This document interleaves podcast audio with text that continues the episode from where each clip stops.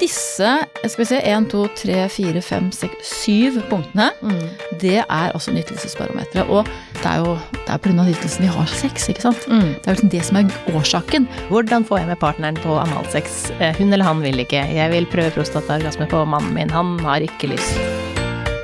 Klimaks sponses av adventskalender fra nytelse.no. Velkommen tilbake til meg, Kjersti Helgeland. Tusen takk. Du er eh, festivalsjef for eh, Nyt-festivalen her i Oslo. Og du er også eh, styreleder i Nyt. Ja, stemmer. Ja. Hva vil det si? Du, Nyt stiftelse for positiv seksualitet og seksuell nytelse, den stift, ble stifta i fjor. Og det var jo for å ha et, eh, en bedre basis for Nyt-aktiviteter. Og det er jo Nyt-festivalen og Nyt-kafeer, Nyt-workshops. Men så er det også eh, andre prosjekter som skal nettopp fremme positiv seksualitet og nytelse. Og blant annet det som vi skal snakke om i dag, det er jo hvordan få seksuell nytelse inn i arbeidet med seksuell helse generelt, eller helsefremmende arbeid, da. Mm. Klimaks får du av nytelse.no. Akkurat nå får du 20% avslag om du bruker rabattkoden KLIMAKS neste gang du handler. Og da jobber dere med noe som heter Nytbarometeret? Nytelsebarometeret? Nytelsesbarometeret? Ja. Ja, det stemmer. Og hva er Nytelsesbarometeret? Du, det er et veldig spennende verktøy. Og, eh, og det er en del av en verktøykasse som er utvikla. Så jeg vil fortelle at dette her fant jeg litt sånn på nett, via eh, sikkert noe kanskje på Facebook eller et eller annet sånt noe. Tilfeldig. Tilfeldig. Eh, da kom jeg over et verktøy som var laget av noe som heter Global Advisory Board for Sexual Health and Wellbeing. Eh, Det er ti internasjonale eksperter som har satt seg ned og la, jobber spesielt med altså, hvordan fremme nytelse innen sånn seksuell helsearbeid. For, ikke, og ikke bare sånn fordi at nytelse er kult, men fordi at det er mye mer effektivt. Det er lurt å integrere seksuell nytelse når vi skal jobbe for bedre seksuell helse. Og der hadde de da en sånn utvikla en verktøykasse med masse flotte øvelser og sånn for folk som jobber med seksuell helse. Og den tenkte vi at herregud, dette er så bra, så dette vil vi ta til Norge. Og da søkte vi midler hos Helsedirektoratet, og de syntes det var en kul idé. Ja, så dere har fått støtte? Ja, det har vi, så vi har et prosjekt som går nå, som hadde vært å oversette denne verktøykassa. Og så har vi test, så er det å teste den ut liksom, i norske forhold, da. For det er jo ikke, den er jo veldig lag, laga for internasjonale forhold, med liksom alle typer kulturer og religioner og alt. Men jeg må si det funker fint i Norge. Men vi har hatt workshop for uh, vernepleierstudenter, Mm. og de sa at dette burde jo vært pensum. Mm. Og så skal vi ha en workshop for eh, ansatte på en barnevernsinstitusjon. Ja. Ja. For sånn som det er nå, så er jo pensum helt fra man eh, er liten, egentlig. Eh, veldig fokus på eh, litt skremming når det kommer til sex. Det er veldig lite fokus på nytelse, men mer den her Helt fra man er liten, så er det fokus på å ikke bli gravid, hvordan man beskytter seg mot seksuelt overførbare sykdommer, eh, og ikke så mye hvordan man faktisk får nytelse. Ikke sant? Og, og det som eh, denne verktøykassa snakker om, da, den kan snakke om en risikotilnærming, som er det du sier, kontra en nytelsestilnærming. Mm. Og jeg tenker jo, jeg var russ i 88, Mhm. det er jo en stund. Eh, og det skumleste verden for meg da, det var å få kjønnssykdommer, og spesielt aids. Ja. Det var 200 homofile menn i Norge som hadde aids på den tiden. Så risiko, altså sjansen var egentlig ganske liten. Den var enormt liten, eh, men det var jo en dødelig sykdom. Mm. Og jeg var livredd, og jeg vil påstå at den redselen, den propagandaen som ble kjørt på der, ødela jo veldig mye av den tiden hvor jeg skulle utforske min seksualitet og nytelse og bli kjent med meg sjæl. Mm. For jeg var litt eh, lamslått. Men hvordan var det, du er jo en del yngre enn meg, åssen var det, Det er- du vokste opp? Ja, eh, der er det jo eh, egentlig Jeg kunne ikke få aids, det snakka vi veldig lite om, men det å bli gravid Ja. eh, tidlig Ja. var jo veldig fokus på. Altså det var veldig fokus på hvordan man tar på en kondom, som vi gjorde på en banan. Og når vi hadde gjort det, så var på en måte den undervisninga ferdig. Eh, jeg var jo, eh, sånn som jeg fortsatt er, spør veldig mye, så jeg husker jeg rakk opp handa og spurte eh, hva onani var. For jeg hadde, egentlig så visste jeg jo svaret, eh, det var bare det at jeg ville at noen andre skulle si det. For jeg hadde jo hatt lest sånne her Mona Mikkel-spalter, hvor man får sende inn eh, spørsmål og sånn. Mm. Eh, eh, og, men det var, eh, det var, ikke noe fokus på det, for det var mer sånn ja, det gjør jeg, og, og ja, du, det, det, her er helt normalt, men for du leste det bare der. Men det var ingen voksne rundt som hadde sagt det. Eh, for det var ingen voksne som turte å si at det, eh, det er greit. Eh, det var ingen som sa Jeg hadde aldri hørt her, de her ryktene som var kanskje enda tidligere, at du blir blind og sånne type ting hvis man onanerer, men det var ikke så mye fokus på det her med nytelse. Mer å ikke bli gravid. Nytelse. Og det er jo det som er en utfordring, at uh, selv om det har vært en utvikling, det må jeg mm. si, så er det jo fortsatt sånn at den risikotilnærmingen, den er ganske rådende. Og hvis du drar f.eks. på sånn uh, klinikk og skal teste deg, mm. så fyller du ofte gjerne ut et skjema.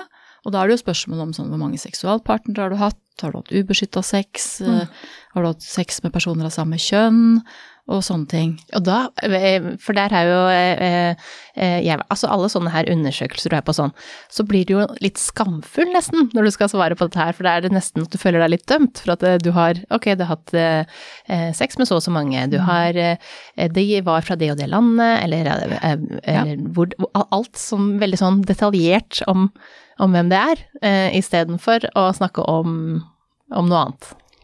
Og så er det jo sånn som spørsmålet Hva sier de spørsmåla egentlig om deg og ditt sexliv? Mm.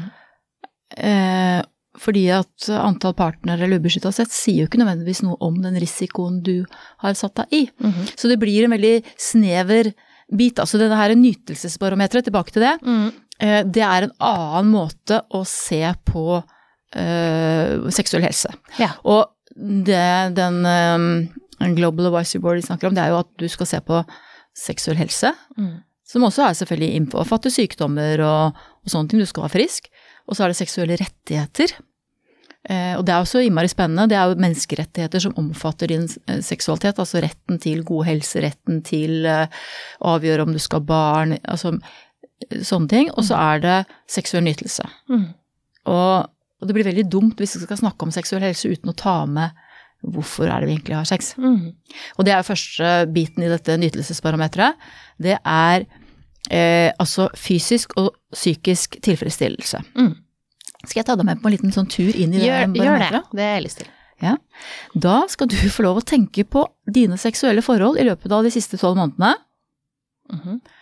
Og så skal du eh, legge inn poengsummer på følgende spørsmål. Så fra én til ti, hvor mye likte du, eller hvor fornøyd var du med dine seksuelle opplevelser de siste tolv månedene? Mm -hmm. Du må ikke svare høyt nå. Nei, men her tenker jeg det er fint å ta med, lyt, vi tar med lytteren inn i det, ja. så at lytteren også kan hjemme eh, tenke over de spørsmålene som kommer nå. Ikke sant. Så det var altså fra én til ti. Hvor mye likte du, eller hvor fornøyd var du med dine seksuelle opplevelser, seksuelle opplevelser de siste tolv månedene? Og det er fordi man ser at det er jo dette, som sagt, det er derfor vi har sex. Mm de fleste. Eller det er én viktig årsak, da. Mm. Eh, mange grunner, men det er jo faktisk at vi, vi ønsker å, å, få nytelse. Mm. Så det er jo en viktig ting om å snakke om. En annen ting eh, som er viktig i forhold til hvordan vi har det seksuelt, det er jo det som de kaller selvbestemmelse. Mm. Fra én til ti, hvor mange av disse seksuelle relasjonene de siste tolv månedene valgte du fritt å ha? Mm. For det er jo mye plikt sex, for ja, eksempel. Ja. Eh, fordi at det er en slags forventning om, eh, om eh, hvor ofte man skal ha sex. Man tenker at alle andre har sex veldig ofte. Eh, det ser man jo på alle undersøkelser, at man tror at eh, naboen har sex hele tiden, mens eh, vi har et dårlig sexliv. Og så er egentlig kanskje begge to fornøyd med det, den frekvensen som er allerede nå. Ja. Men man sammenligner seg med andre og tror at alle andre har ofte og mye og bra og det er jo det. Eller hvis du starter en relasjon, eller bare er på en date, egentlig ikke har lyst på noe sånn fast relasjon, men liksom, mm. så er det forventninger. Ja. Og så strekker du deg eller overstrekker deg, og, det, er, det, er, mye i det der. Mm. Neste, samtykke. Fra én til ti. Alle tingene du gjorde med dine, din eller dine seksuelle partnere, partner, hvor mange gikk du spesifikt med på? Mm. Hvor mange med... samtykket du til helt spesifikt? Mm.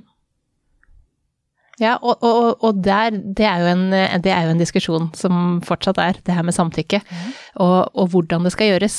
Eh, og når kan man alltid trekke seg, eller kan For der er det jo mye følelser rundt eh, i forhold til at man føler at jeg, jeg, sa jo, jeg sa jo Jeg var jo med på det i starten, men så ombestemte meg underveis, mm. kanskje, ikke sant? Og så er det litt sånn, ja men hun var jo med, eller han var jo med, så jeg, jeg kunne jo ikke skjønne at den ikke ville. Fordi at man kanskje sant? ikke sier noe. Det, og da er det jo noen sånne spørsmål rundt dette her. Altså hvordan uttrykker man samtykke? Mm. Eh, eller klarer man å uttrykke det hvis det er noe man ikke er komfortabel med, ikke har lyst til å gjøre?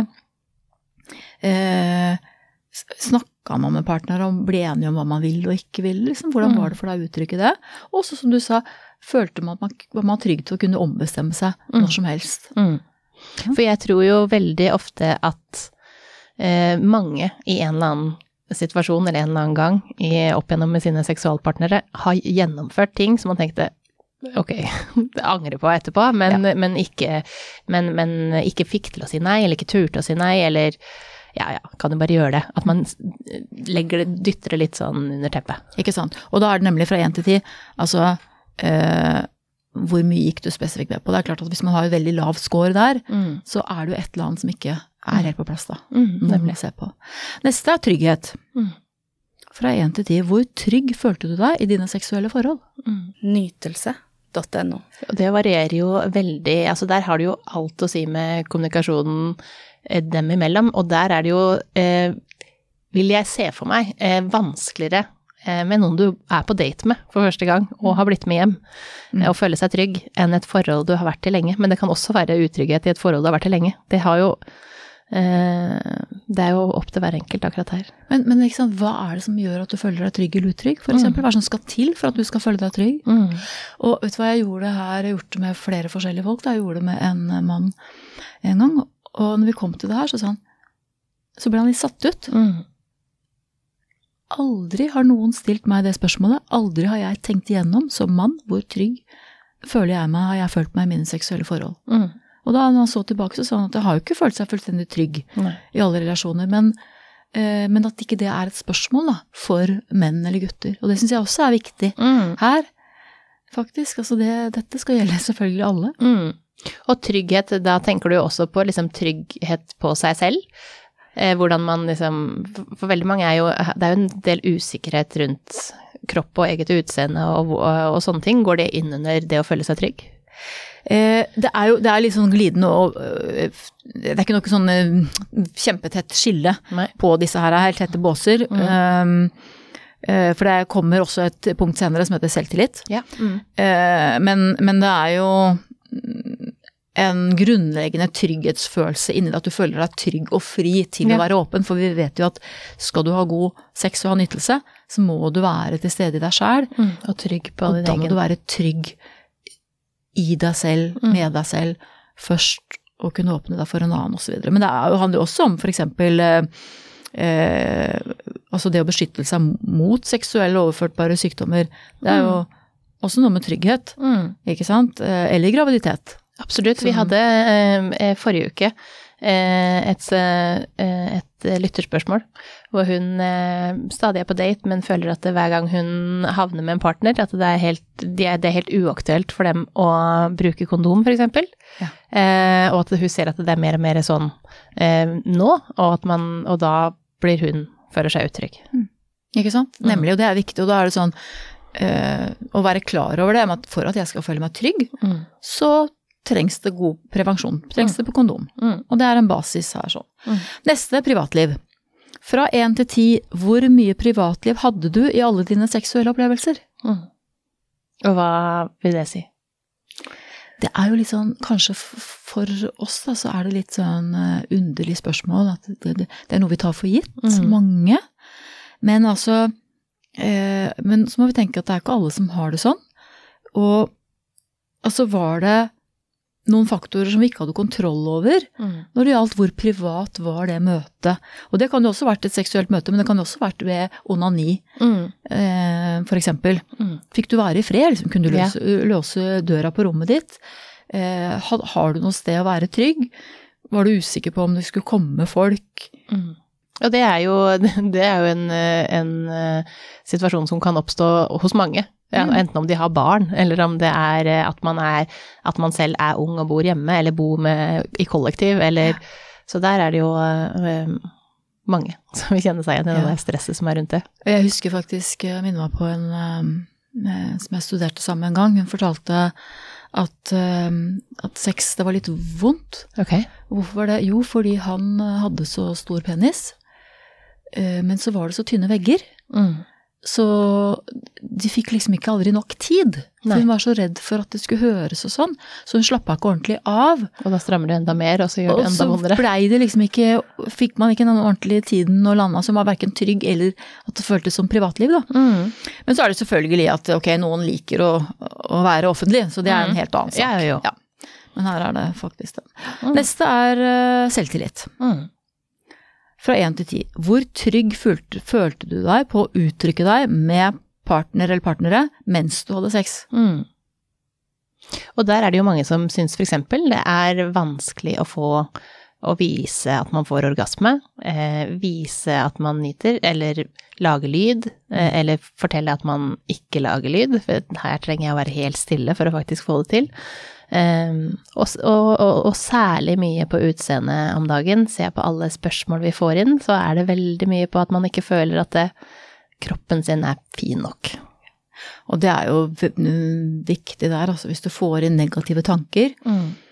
eh, så hemmer det jo din tilstedeværelse. Mm. Ikke sant? Det er jo eh, Men det kan jo også være Ja, var det noe som begrensa måtene du kunne uttrykke deg på, som du sier, med ord eller lyd eller sånn? Mm. Eller jo, sa eller gjorde partneren din noe som fikk deg til å føle deg mindre selvsikker? Mm.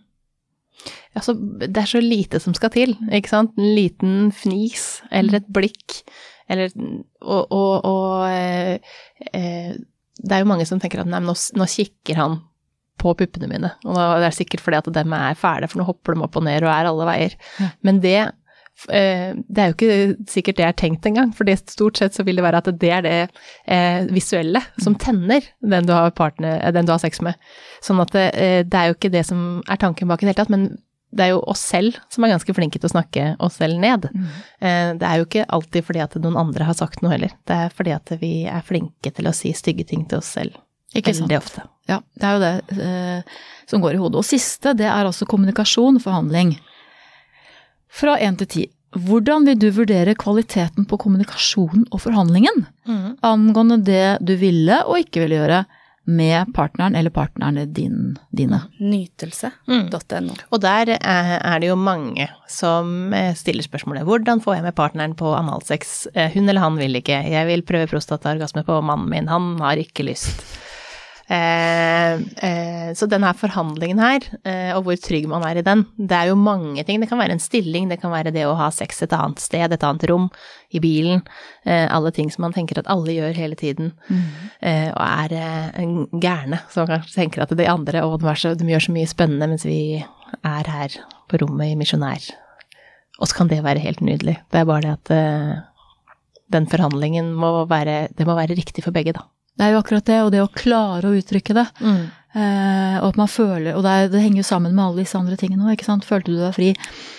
Eh, men, men og klarer du å fortelle også når noen ting er behagelig? Altså, ikke sant. Eh, for jeg tenker det er jo en veldig viktig basis. Vi må ikke bare snakke om det, vi, det som Ikke ikke er bra og ikke vil. Mm. Vi må jo starte med å uttrykke det som er bra og deilig og det man liker. Eh, for å få inn den, den dialogen, da. Ja, og der, er- der er det nok eh, eh, man flinkere til å si kanskje sånn nei, jeg vil ikke f.eks. ha analsex. Og så bare er det nei, og så avfeid. Ikke noe snakk om rundt hvorfor eller ikke. Eller også det å kunne da, som du sier, eh, vise Kanskje vise hva som må til eh, for at man skal få orgasme. Det her er det som jeg syns er deilig. Eh, eller også fortelle at når partneren gjør riktig, at det her det var deilig, og så tørre å si det. For det sitter nok litt langt inne hos mange andre at det var deilig, men, men også forklare akkurat hva det var. Ja. Og det her, ikke sant, det kunne vi jo hatt uh, snakka kjempelenge om, vi, uh, Mariann. om, mm. om, om, hvordan snakke om sex og mm. før og under og etter osv. Men disse, skal vi se, én, to, tre, fire, fem, seks, syv punktene, mm. det er altså nytelsesbarometeret. Og det er laget for folk som jobber i helsetjenesten som et utgangspunkt for seksuell historietaking. Mm. Og det er når du kommer til en, en, lege med et eller annet problem, og så spør man. Så det skal ha utgangspunkt der, og et bedre utgangspunkt enn disse spørsmålene hvor mange hadde du sex med, og var du mm. ubeskyttet, og samme kjønn og nasjonalitet og alt det der. Ja. Men eh, vi har jo brukt det Jeg nevnte jo opplæring av vernepleierstudenter. Jeg har også brukt det på en eh, en sånn workshop med betjenter i fengsel. Ja. Og tilbakemeldingen er jo at dette her er superbra, det er relevant. Mm. Og noen har sagt ja, men dette skal jeg gå hjem og ta med, med partneren min. Mm, selvfølgelig. Det er, og det tenker jeg folk kan gjøre her, å spore tilbake og, og, ta for seg alle spørsmålene sammen med partner og gå gjennom. Ja, Du Fordi, kan jo lenke til den siden hvor dette her ligger. Ja, det skal jeg gjøre i, i episoden, så ja. man kan se eh, og gå gjennom sammen. Mm, mm. sånn at man eh, eh, For det her legger jo eh, grunnlaget for masse god kommunikasjon. Det gjør det. Så jeg mener det er, det er eh, veldig mye mer eh, det er nyttig til veldig mye mer enn bare akkurat seksuell historietaking. Ja. ja.